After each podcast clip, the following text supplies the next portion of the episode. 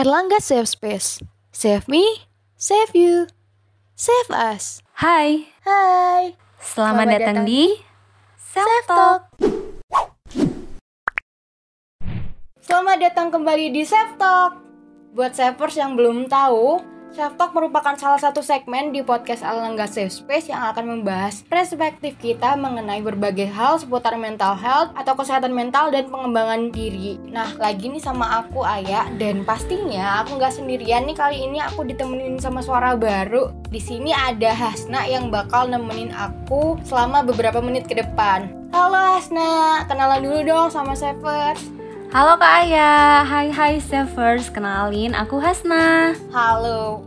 Nah, Hasna, apa kabar nih? Gimana kuliahnya? Apakah Hmm. udah capek atau masih enjoy atau udah pengen aduh aku resign aja aku mau jadi ibu kos gitu. Waduh, ibu kos.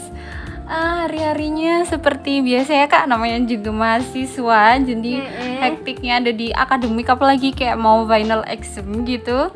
Terus betul sama apalagi tambah proker-proker, tapi so Iya. far masih bisa dinikmati lah ya kak. Proker-proker semester 3 udah mulai banyak nih ya. Iya, aduh, akhir tahun Betul. juga soalnya ya kak iya, ya. I see. Semoga bisa tetap enjoy ya di perkuliahan Amin, ini amin. dan prokerannya juga.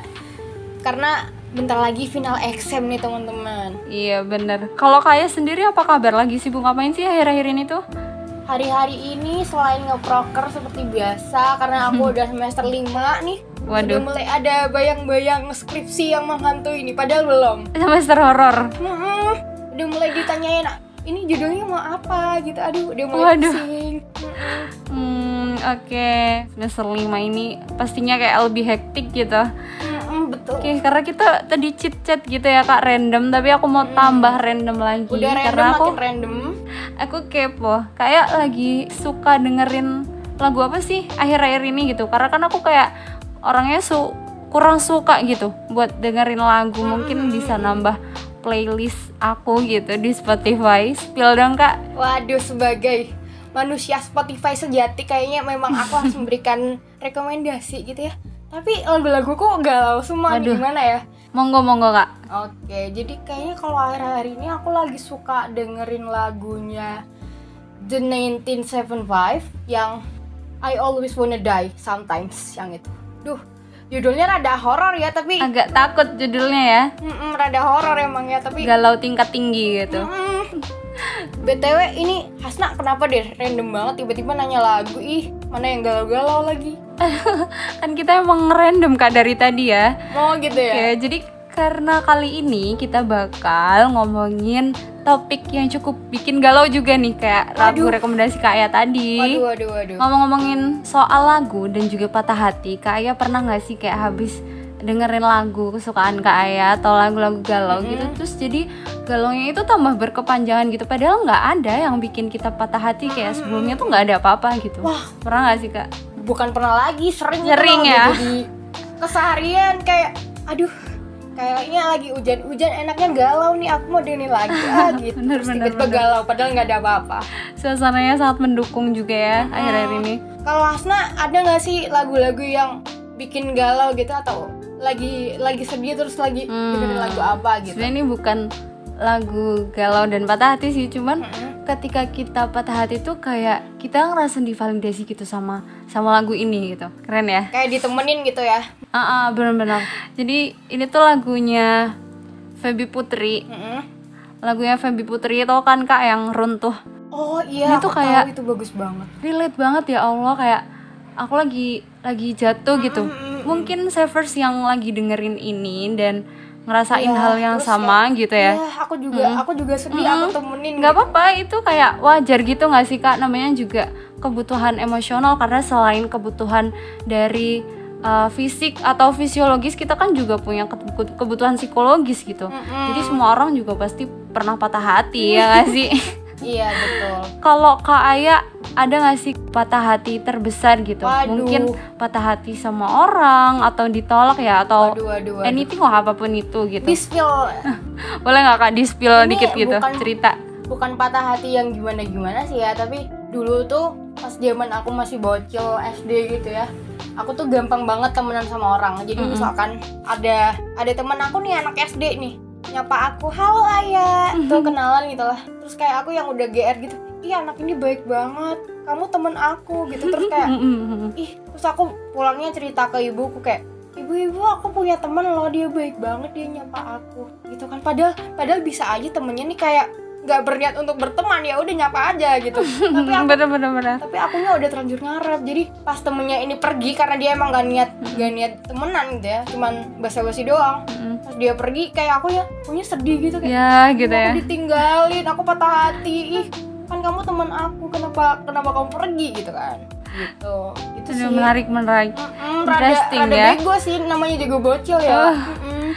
Jadi ternyata kayak apa ya cerita masa kecil sangat berpengaruh ya emang buat kita Iya. ketika besar gitu. betul betul kalau Hasna nih mungkin ada pengalaman yang bikin patah Hmm. hati juga yang mungkin kayak aku tadi atau pernah gak dapet jajan dari ibu kantin terus ngambek sama ibu kantinnya gitu. Kayak ibu kantinnya tuh kayak terlalu baik untuk kita ngambek ke beliau gitu. oh gitu. Ya serius mungkin anak-anak psikologi yang lagi dengerin ini papi mami tuh baik banget guys ya nggak Aduh. sih? Sering ngasih diskon kali ya. Iya. Nggak juga sih kak tapi kayak oke. Iya gimana nih? Iya lagi aku bilangnya ada nggak yang bikin patah hati nih? Ada sih ada sebenarnya tapi tapi enggak yang terbesar juga sih cuman kayak ada gitu. Jadi dulu tuh aku waktu SMA itu kan kayak hektik pilih pilih jurusan gitu kan kak? Hmm, ya ya ya sebelum kita masuk ke kuliah gitu. Ya terus aku tuh emang gak mau psikologi awalnya kak. Oh iya? Terus mau Iya. ke mana? Jadi savers aku kan eh, sekarang di psikologi ya tapi aku tuh nggak tertarik sama sekali. Aku dulu pengennya jadi anak HI aduh jauh banget dari psikologi ke HI tuh iya. Rada rada gak nyambung. Ini nggak nyambung sama sekali kak. Terus kayak disuruh gitu loh sama orang tua. Terus jadi kayak Hmm, namanya juga anak SMA yang remaja gitu ya kayak masih cari jati diri gitu. Terus kayak pengennya bebas gitu loh untuk untuk memilih tuh kayak nggak mau diatur. Kenapa sih aku kayak diatur atur sama orang tua Iya. gitu? Terus tapi ya akhirnya kayak nurut sih. nurut iya. Ya buktinya Iya, sekarang ya. kalau nggak nurut ya gimana ya? Iya ya mungkin mungkin kalau kalau kalau nggak nurut mungkin aku nggak akan ketemu Hasna di sini. Iya bener. Nah itu juga sih ya kak. Gitu. hikmahnya ya. Iya. Nah dengerin cerita Hasna tadi nih aku jadi sadar kalau ternyata semua manusia tuh pasti ngerasain sakit dan sakitnya tuh macem-macem. Ada yang sehari sembuh ada yang butuh waktu beberapa lama untuk sembuh. Bahkan ada juga yang masih belum sembuh dan masih berjuang untuk bisa berdamai gitu ya sama patah hatinya. Dan menurutku itu wajar karena setiap orang tuh punya kemampuan yang berbeda-beda untuk berdamai dan menyembuhkan diri dari patah hati gitu. Mm, setuju banget bahwa semua dari kita itu masih berproses ya kak ya sejatinya. Tuh. dan nggak ada gitu manusia yang luput dari rasa sakit pasti pasti ada ujian buat dirinya gitu tapi iya. nggak ada manusia yang kayak nggak mungkin sembuh dari rasa sakitnya gitu selama dia masih mau berproses untuk berprogres Idi, Asik. berproses untuk berprogres Widi Widi. Asik. BTW BTW. Ngomongin kesedihan dan patah hati nih. Ah, ah, ah. lanjut kak Ternyata kesedihan seseorang itu ada lima tahap dan ini udah diteliti secara ilmiah sama Dr. Elizabeth Kubler-Ross dalam bukunya yang berjudul On the Dead and Dying yang diterbitkan pada 1969. Nah, Si dokternya ini menjelaskan bahwa ada lima tahap kesedihan yang akan dialami seseorang. Yang pertama tuh ada denial. Mm-mm. Nah, denial ini adalah proses di mana seseorang itu kayak nggak mau menerima dan nggak mau eh, memvalidasi kesedihan yang dia punya. Jadi kayak nggak kok aku nggak sedih, aku nggak apa-apa gitu. Nah, setelah penyangkalan itu ada fase yang namanya anger. Nah, anger ini sesuai namanya itu adalah fase yang eh, di mana seseorang marah gitu akan kesedihan atau patah hati yang dia punya. Jadi kayak aduh kenapa sih aku harus mengalami ini bla bla bla gitu. Nah, setelah marah-marah dan penyangkalan, seseorang akan masuk di fase bargaining di mana di tahap ini seseorang itu akan kayak berandai-andai gitu, teman-teman Mm-mm. duh andai kan aku nggak begini andai kan aku nggak begitu pasti aku sekarang nggak akan sedih kayak gini Hmm. pasti aku nggak akan mengalami hal ini Hmm. gitu nah setelah di fase ini seseorang akan masuk ke fase puncak dari kesedihan di, yang namanya depression jadi eh, puncak kesedihan dari seseorang itu ada di fase ini nah setelah puncaknya yang namanya eh, badai pasti ada pelangi gitu ya Mm-mm. akan ada fase acceptance di mana ini merupakan fase seseorang dapat menerima kesedihan atau patah hati yang dia rasakan gitu. Wah, gitu ya kak. Terima kasih ya kak atas insight-nya gitu. Aku juga jadi tahu wah kalau apa namanya kesedihan itu emang bisa di- diteliti gitu secara alami atau secara sains gitu ya. Terima kasihnya ke dokternya jangan ke aku. Terima kasih dokter Elizabeth.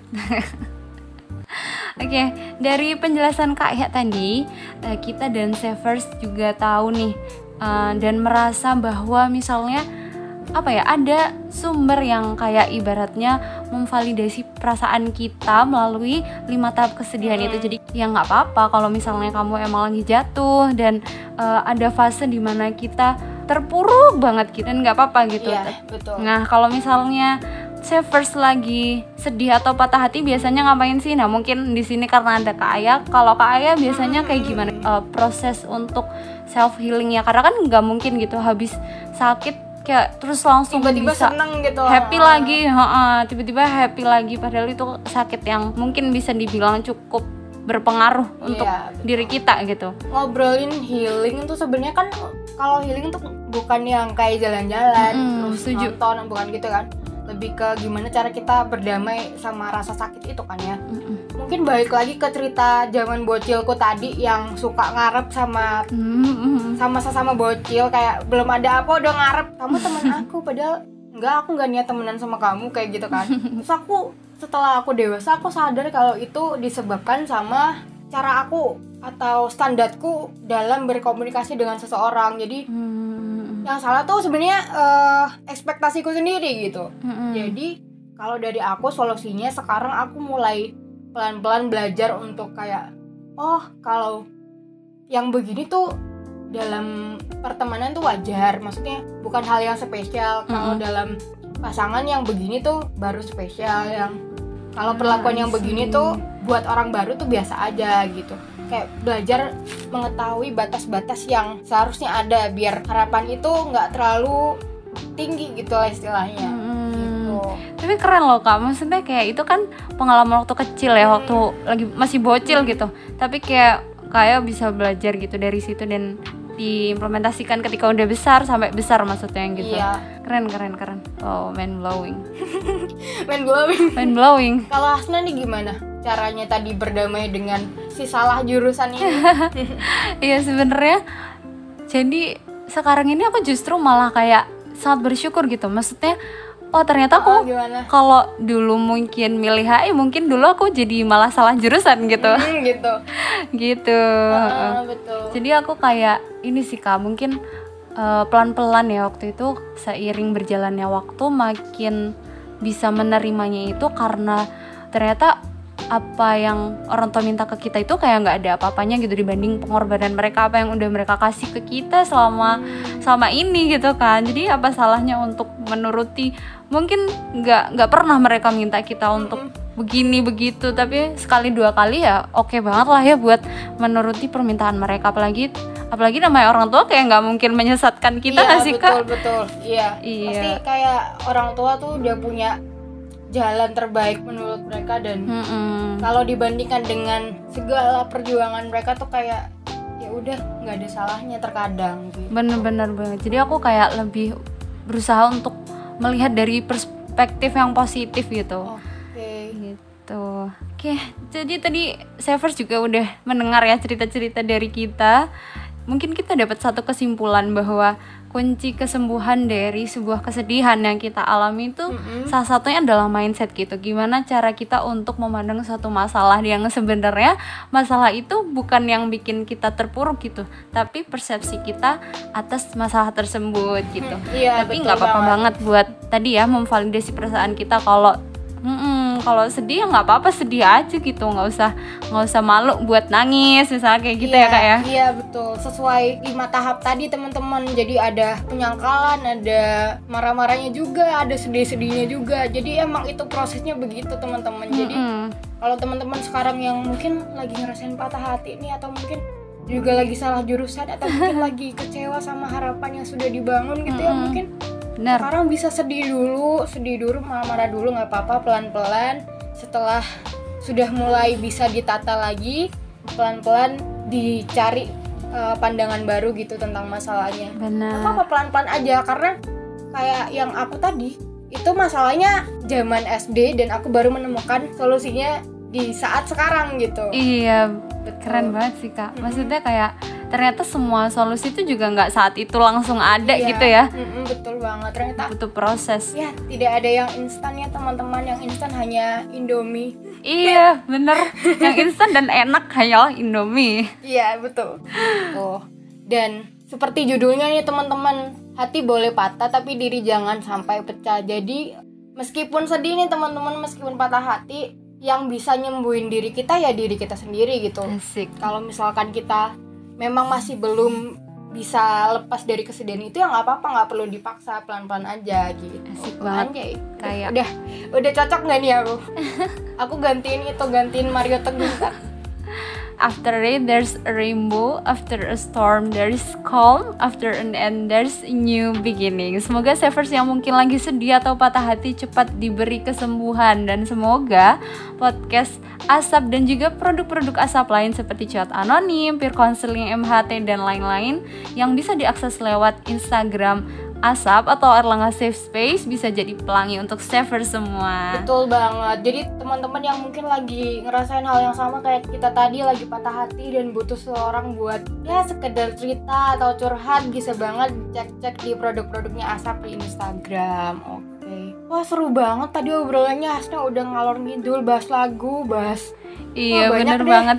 nggak kerasa. Udah mau selesai aja. Iya makasih ya Aduh, makasih terima kasih. Hasna Terima kasih juga Kak Ayah, keren banget sih Waduh, waduh. topiknya yang diangkat. Nah jangan lupa dengerin juga episode-episode podcast asap lainnya dan juga tungguin uh, episode dan segmen selanjutnya di podcast Erlangga Safe Space. Karena kamu aman di sini di Erlangga Safe Space. Sampai jumpa. Dadah. Dah.